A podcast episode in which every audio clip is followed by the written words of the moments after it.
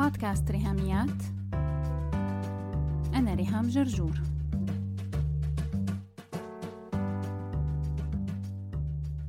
مرحبا. قبل ما نبتدي حلقتنا رح يقف بودكاست ريهاميات دقيقة صمت على ضحايا تفجيرات بيروت. رح نسمع موسيقى لمدة دقيقة كاملة وبعدين نبتدي الحلقة رقم 75 ونفتتح سوا الموسم الرابع.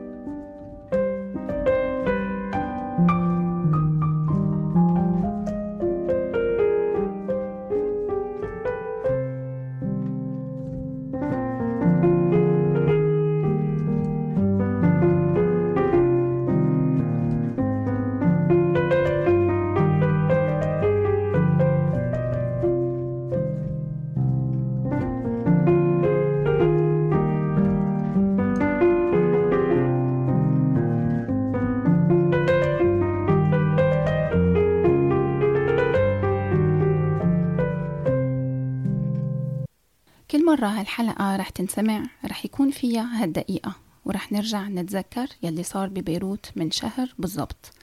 اليوم هو أربعة أيلول سبتمبر 2020 وهالشي الرهيب يلي صار ببيروت حصل يوم 4 آب أغسطس 2020 كان يوم أربعاء وكنت المفروض نزل هالحلقة خلال أقل من 48 ساعة بعد التفجير. وطبعا كان هذا شبه مستحيل. حتى لو كانت الحلقة جاهزة وأنا مستعدة بعد شهر الأجازة الربع سنوية إني أبتدي الموسم الرابع من بودكاست ريهاميات مع أول يوم جمعة بشهر آب أغسطس لكن لا ما بينفع أعمل هيك وتمشي الحياة وكأن شيئا لم يكن. نزلت post على صفحة الفيسبوك وبالمناسبة يلي لسه ما عملت like للصفحة بشجعك تتابعيها لأنه كتار من المستمعات استفقدوا البودكاست يوم 6 آب. وما عرفوا شو صاير لما ما لقوا الموسم الرابع. بدأ بالموعد المحدد وحسب خطة السنة أنه تكون أول حلقة بالموسم الرابع يوم 6 8 2020 اختفاء حلقات البودكاست. عوض عنه poster أنا صممته خصوصي ونزلته على الفيسبوك. كتبت ال post وقلت فيه يحتجب بودكاست ريهاميات حدادا. الحداد كان أول جمعة بآب لكن الثلاث أسابيع يلي بعد كانت فيهم الأحداث بحياتي أنا شخصيا ومهنيا عم تجي شغلة ورا التانية ومشكلة ورا التانية سببوا شلل تام للبودكاست. بس الحمد لله رجعنا وعم أقول الحمد لله لأنه على شوي كان ممكن البودكاست كله ينتهي. بس فعلا الحمد لله إننا اليوم عم نبدأ الموسم الرابع وفيني أقول لكل المستمعات والمستمعين القدامى اشتقت لكم وكمان فيني رحب بكل المستمعات والمستمعين الجدد وأقول لكم نورتوا البودكاست. لو حلقة 75 هي أول حلقة بتسمعوها من بودكاست ريهاميات.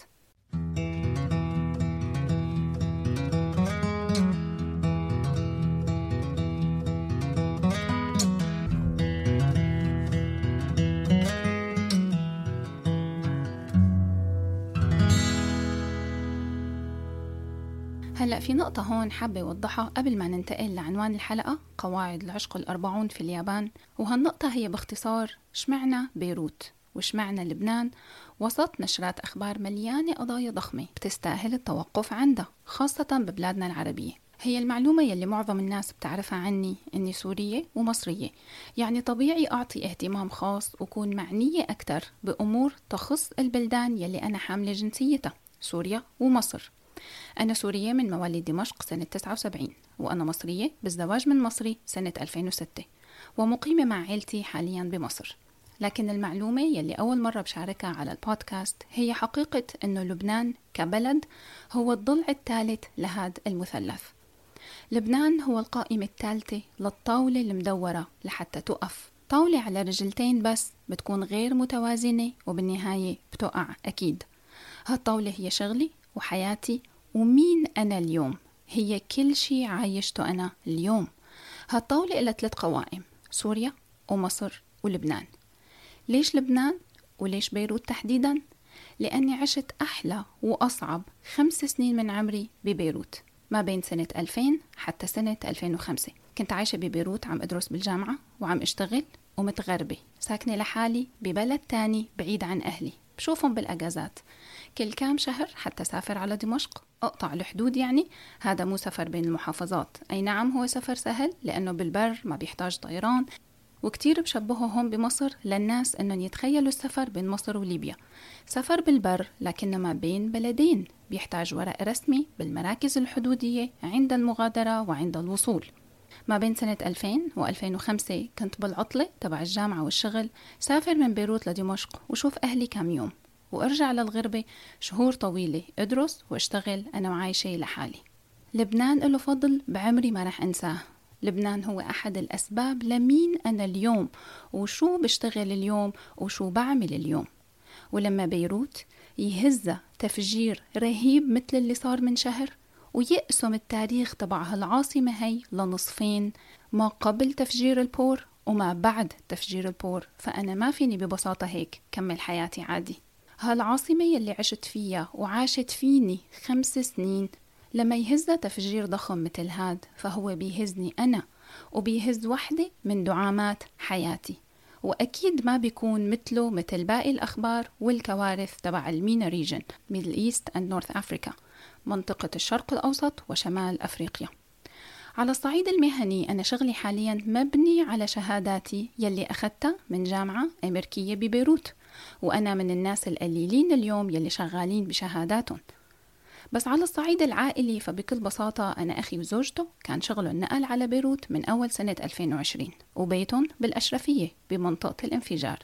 يعني أول ناس ارتعبنا عليهم كانوا أخي ومرت أخي وبعدهم عشرات العشرات من الأقارب والأصدقاء ضليت كذا يوم ابعت مسجات واستنى يوصلني تطمين ما رح طول عليكم أكثر من هيك حبيت بس أعطيكم فكرة عن مين هي بيروت وشو هي بيروت بالنسبة لإلي؟ وإنه تداعيات التفجير اللي صار من شهر كان لها تأثير كتير كبير بحياتي. خلونا هلأ نطلع فاصل قصير وبعده نتعرف على فكرة المقالات المسموعة ومن ضمنها مقال حلقة اليوم.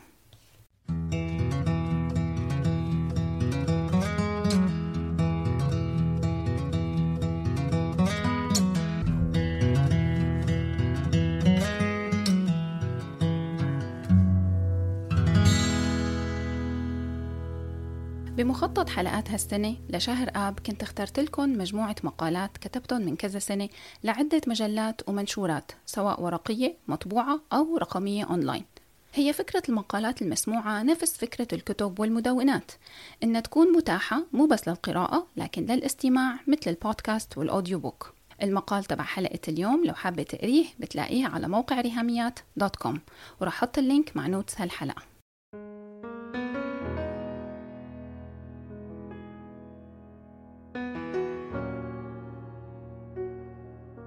قواعد الجمال الأربعون في اليابان بقلم ريهام جرجور.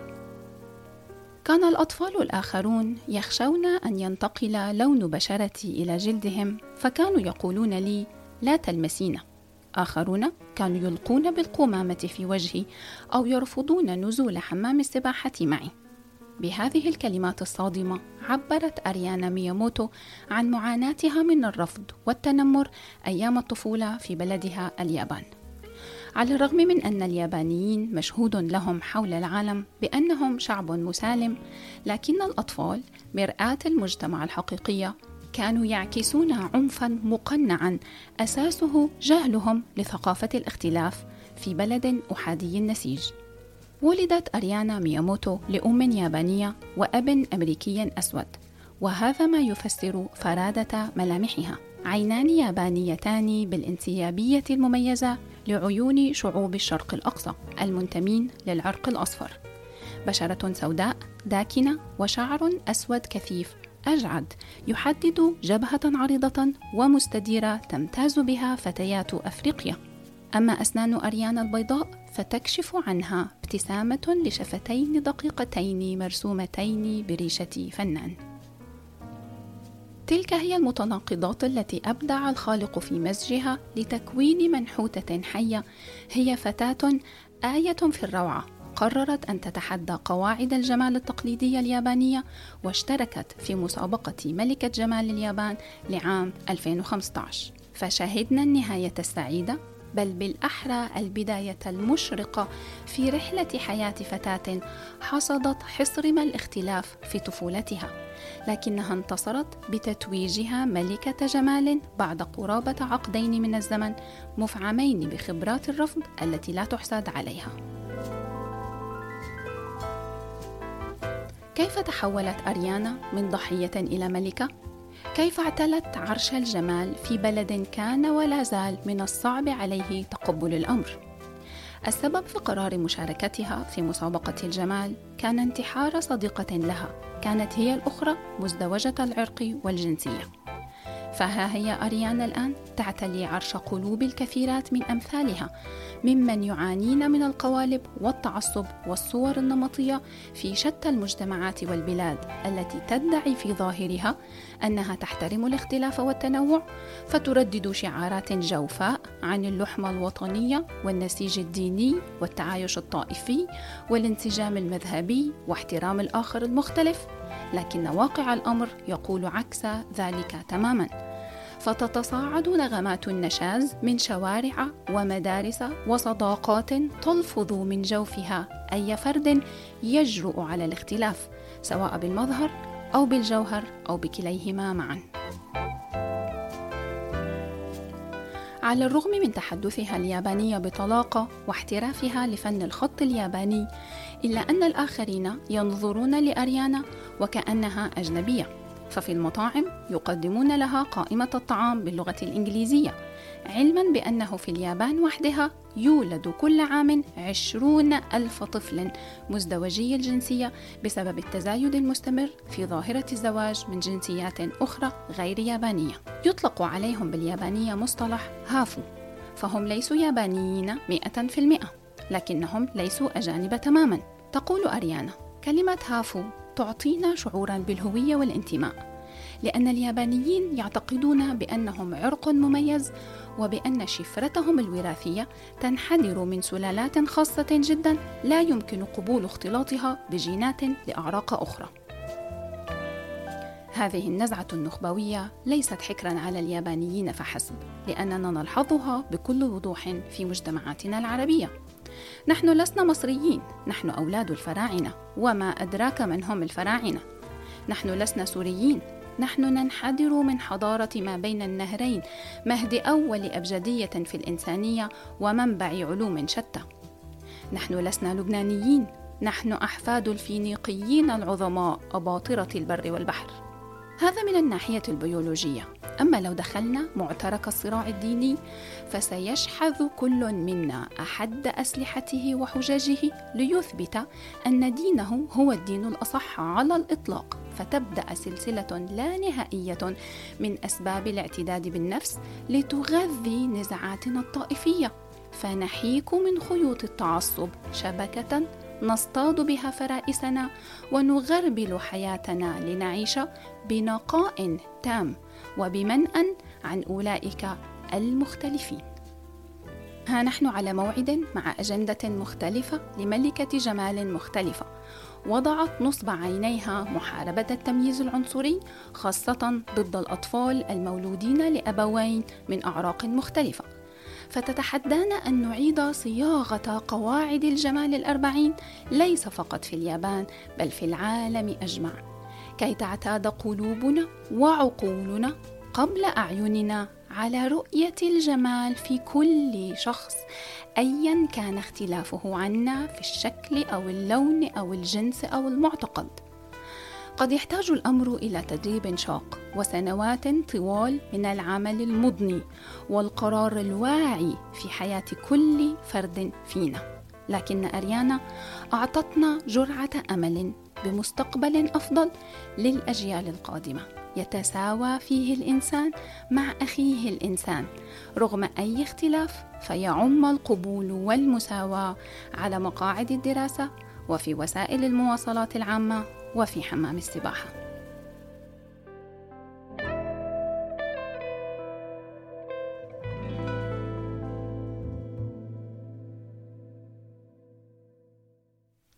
هذا المقال أنا كتبته سنة 2015 لما أريانا ربحت مسابقة ملكة جمال العالم. لكن حتى بعد خمس سنين بيضل بيتردد. نفس النداء بأعماقنا.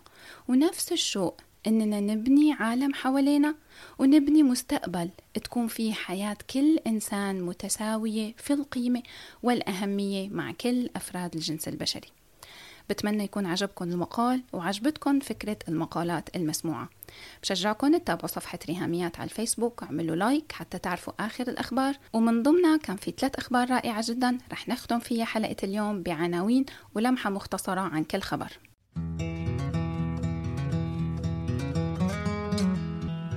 على عيد الأضحى المبارك نزلت post المعايدة وكمان بعثت المعايدة لل mailing list كلها تبعي. ومعه نزلت إعلان عن منهاج المخيم الصيفي على تطبيق زوم 2020 لأول مرة بالعالم العربي بيكون متاح باللغة العربية منهاج تعليمي ترفيهي متكامل للأطفال بباقة تدريبية غنية جدا مقسمة على خمس موضوعات ولا أروع.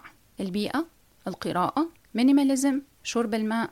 والشاشات. بتلاقوا فيديوهات تفصيلية عن ال e-camp 2020 على ال YouTube channel ريهام جرجور. ومع notes هالحلقة بتلاقوا كل لينكات هالفيديوهات. الخبر الثاني إنه يوم 15 آب أغسطس 2020 أنا قدمت محاضرة بأكبر مؤتمر عالمي لل podcasters. هذا المؤتمر دخل موسوعة جينيس للأرقام القياسية وحطم الرقم القياسي السابق وتم اختياري أنا لتمثيل ال podcasters العرب وتقديم محاضرة بالإنجليزي.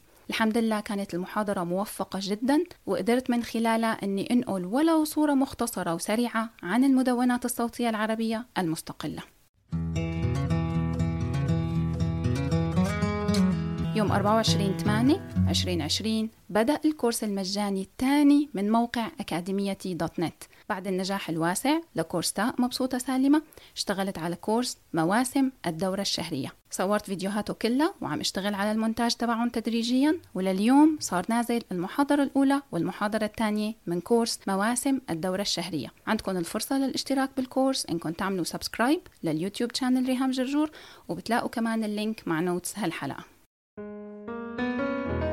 شكرا كتير لكل الصديقات يلي خلال هالسنتين الماضيين كانوا عم يدعموا بودكاست ريهاميات بطرق وأشكال مختلفة. لهيك خصصت هالفاصل حتى أخبركن عن نادي تاء لصديقات البودكاست على موقع Patreon قليلين من الناس يلي بيعرفوا تفاصيل العبء المادي والالتزامات الشهرية للبودكاست. ابتداء من Buzzsprout الموقع المستضيف للبودكاست. اشتراكه الشهري 12 دولار حتى تضل الحلقات متاحة لك للاستماع بأي وقت ومجانا تماما ومن أي application بتختاريه موقع Audible للكتب الصوتية اشتراكه 15 دولار شهريا ومنه بشتري أغلب كتب شلفي ومراجع الموضوعات للحلقات. باقي الكتب بشتريها من موقع Kindle للكتب الرقمية وكمان بدفع أقساط ال domain لحتى حافظ على موقع ريهاميات dot com.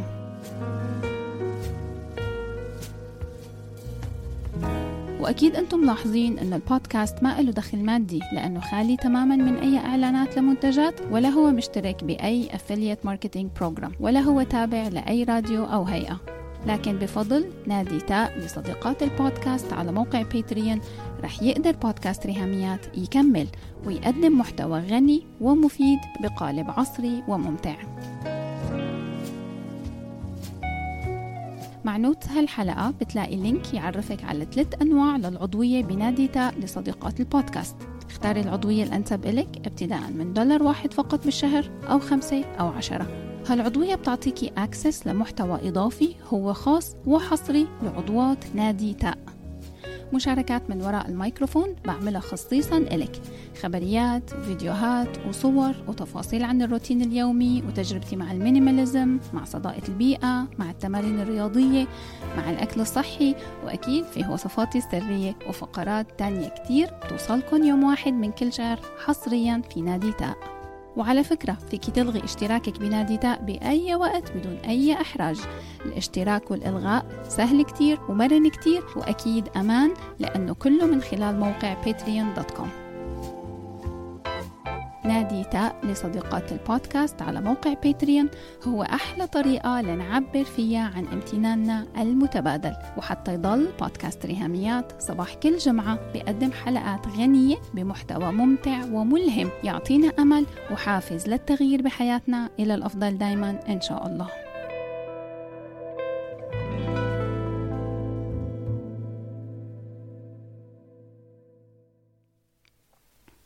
بالحلقة الجاي رح نحكي عن موضوع كتير مهم.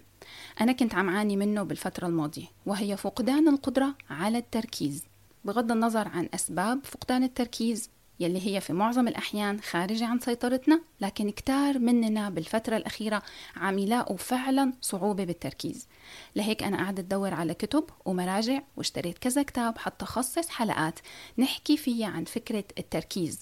Focus and Concentration. وكيف فينا نتدرب على عشر دقائق تركيز مركز بهدف الإنجاز وإتمام أي مهمة قدامي سواء هي شغل أو ترفيه وخاصة أنه المدارس داخلة والجامعات فنحن محتاجين فعلا نتدرب على التركيز سواء لدراستنا أو لشغلنا أو لأي شيء تاني بحياتنا. وهذا هو موضوع الحلقات اللي جاي. بشوفك على خير إن شاء الله صباح الجمعة الجاي بالحلقة الثانية من الموسم الرابع لبودكاست ريهاميات. بس هيك.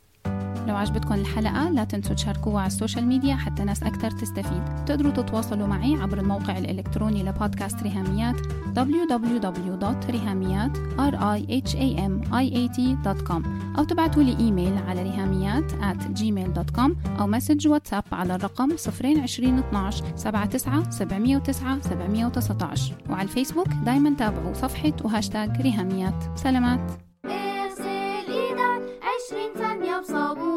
وكحف جوعك خليك في البيت ويا رب الشدة تهون